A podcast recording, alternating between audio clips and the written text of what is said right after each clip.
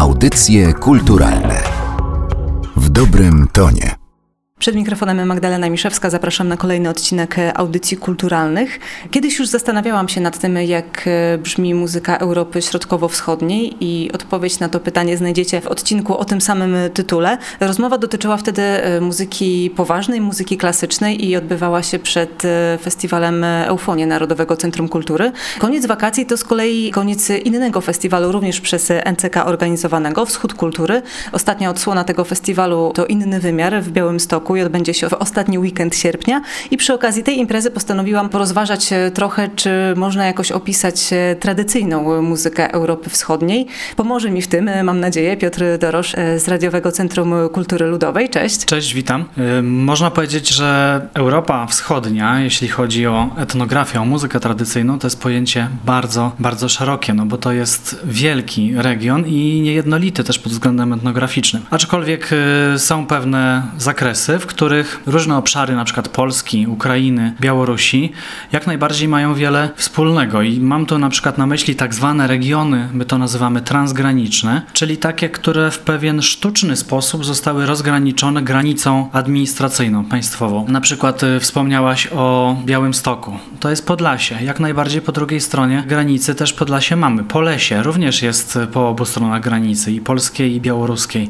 Idąc dalej na południe, na przykład Karpaty nasze Bieszczady, które płynnie przechodzą w część ukraińską, to też kiedyś była jedność kulturowa. Więc y, te granice administracyjne nie zawsze idą w parze z podziałami etnograficznymi i tak właśnie jest w tej Europie środkowo-wschodniej, że mimo, że no niestety historia tak się potoczyła, że te granice powstały, to na przykład okazuje się, że po jednej stronie granicy Bugu i po drugiej jest w zasadzie ten sam repertuar, mówi się tym samym językiem i formalni mieszkańcy Polski, chociaż na przykład są Rosinami, bez problemu dogadają się ze swoimi sąsiadami z Zabuga, którzy są już na przykład Białorusinami. No to jest też e, sprawa granic, które zmieniały swoje położenie przez e, całe lata, ale nawet gdyby szukać jakiegoś takiego korzenia chociażby polskiej muzyki ludowej, to on chyba nigdy nie będzie taki czysty. To zawsze była mieszanka wielu różnych e, kultur, które w danym regionie mieszkały. Myślę, że są regiony, w których możemy mówić o takim jakimś czystym idiomie tej muzyki polskiej, tradycyjnej. To pewnie będzie dotyczyć głównie regionów Polski Centralnej na przykład Mazowsza. Natomiast te wszystkie regiony, w których rzeczywiście mieszały się różne grupy ludności, grupy etniczne, to wpływało jak najbardziej na muzykę i tak jak na przykład tak właśnie na wschodzie, im dalej na wschód, tym większe są wpływy muzyki Europy Wschodniej, Ukrainy, Białorusi. A gdybyś miał w jakiś sposób określić tę muzykę, czy wschodnich krańców Polski, czy właśnie tych krajów e, już leżących za naszą wschodnią granicą, to znalazłbyś takie słowo? Mi się kojarzy ta muzyka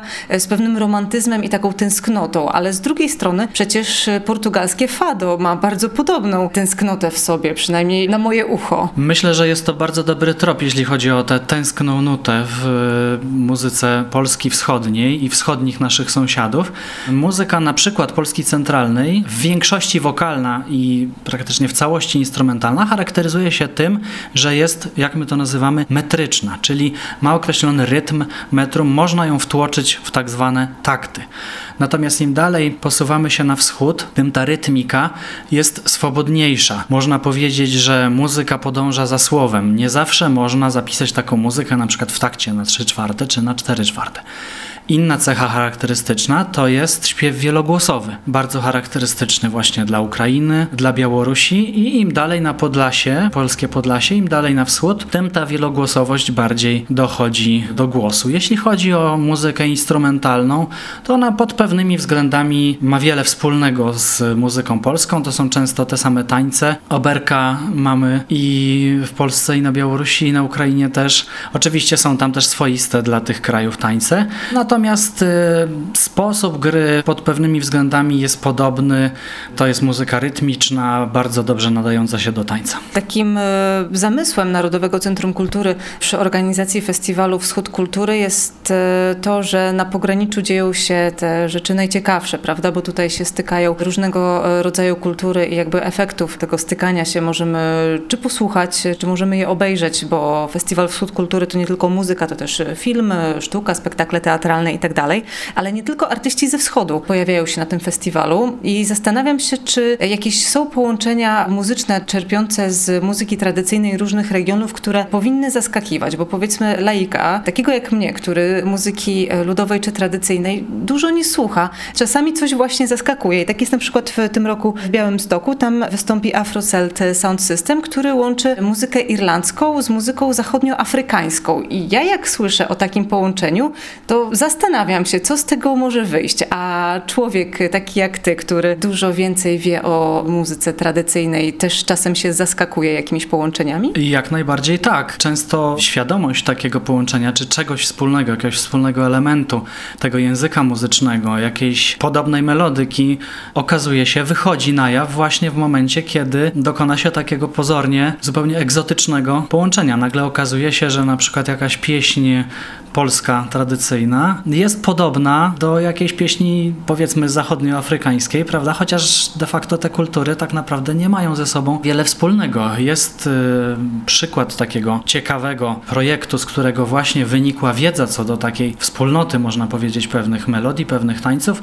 Grupa pasjonatów, badaczy i znawców polskiej muzyki tradycyjnej udała się do Skandynawii, by razem z tamtejszymi pasjonatami i osobami, które tym się zajmują, grać i muzykę polską tradycyjną, i muzykę skandynawską. No wydaje się, że to są dwie zupełnie rozłączne narodowości, grupy etnograficzne, wikingowie, prawda, Skandynawowie i Słowianie. Cóż oni mogą mieć wspólnego poza tym, że toczyli ze sobą wojny? No a okazuje się, że na przykład w Skandynawii właśnie bardzo popularny jest taki taniec o dosyć swojsko brzmiącej nazwie Polska, bardzo przypominający jeden z naszych najpopularniejszych tradycyjnych tańców. Na skutek różnych y, zawirowań historycznych zawędrował właśnie tam i stał się popularny i w tej chwili Polska, taniec wydawałby się charakterystyczny dla Polski właśnie, jest uważany za tradycyjny taniec skandynawski. No ale tutaj jest jednak Europa i Europa, czyli te połączenia gdzieś tam wiemy o nich, że były, ale co z takimi bardziej odległymi, jak na przykład e, projekt e, Trybunie Tutki i Twinkle Brothers. Okazuje się, że górale z zimnych Tatr e, mają w sercach to samo, co Jamajczycy z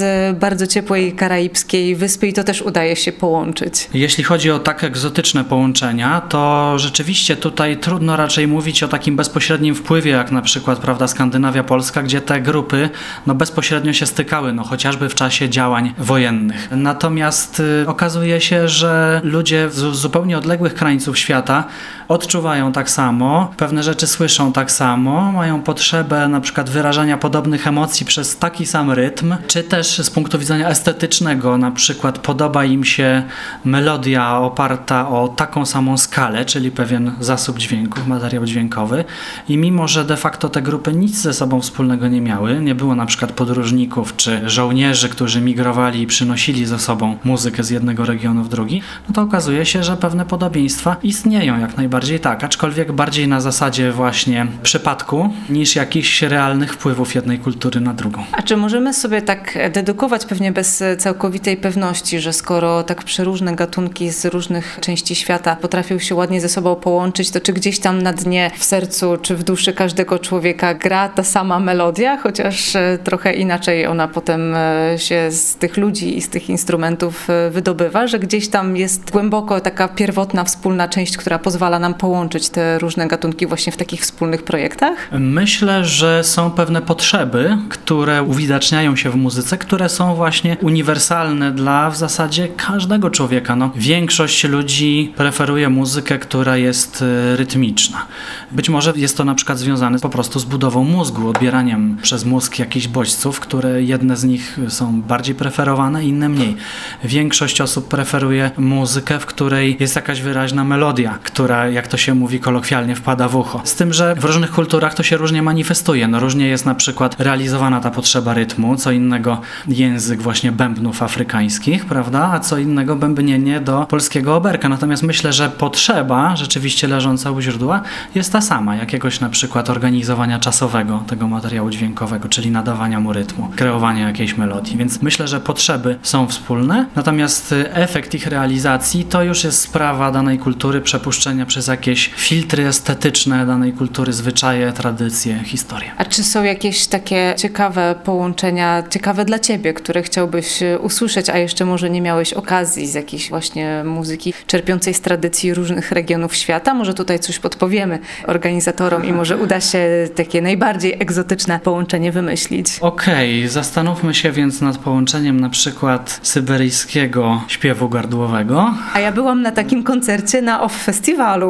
A z czym to łączymy? Niech będzie na przykład y, klasyczna harmonia w stylu Wolfganga Amadeusza Mozarta. Wyobrażasz sobie to połączenie? Prawdę mówiąc, nie wiem, jakby to zabrzmiało. Trzeba by po prostu też chwilę poświęcić na to, żeby w jakiś rozsądny sposób znaleźć jakiś wspólny mianownik dla tych y, dwóch zupełnie odrębnych sfer dźwiękowych, ale jestem przekonany, że wynikłoby z tego coś ciekawego i myślę, że estetycznie jak najbardziej akceptowalnego, może nawet y, ładnego, pięknego, czemu nie? No to już wycieczka na wschód e, bardzo daleka, ale być może kiedyś uda się nam takie połączenie usłyszeć. Piotr Dorosz z Radiowego Centrum Kultury Ludowej pomagał mi dzisiaj objaśniać różne muzyczne połączenia. Dziękuję bardzo. Dziękuję bardzo. Inny wymiar to ostatnia tegoroczna odsłona Festiwalu Wschód Kultury organizowanego przez Narodowe Centrum Kultury. Do Białego Stoku zapraszamy od 29 sierpnia. W programie m.in. wystawy artystów z Polski, Ukrainy, Litwy i Białorusi, pokazy filmowe i spektakle teatralne oraz koncerty artystów łączących w swojej twórczości muzykę z różnych rejonów świata, m.in. brytyjskiego zespołu Afro Cell Sound System, izraelskiego Anna RF oraz wspólny występ góralskiej kapeli Trebunie Tutki i Jamajczyków z Twinkle Brothers. Brothers. Pełny program znajdziecie na stronie internetowej nck.pl oraz w opisie odcinka. Audycje kulturalne w dobrym tonie.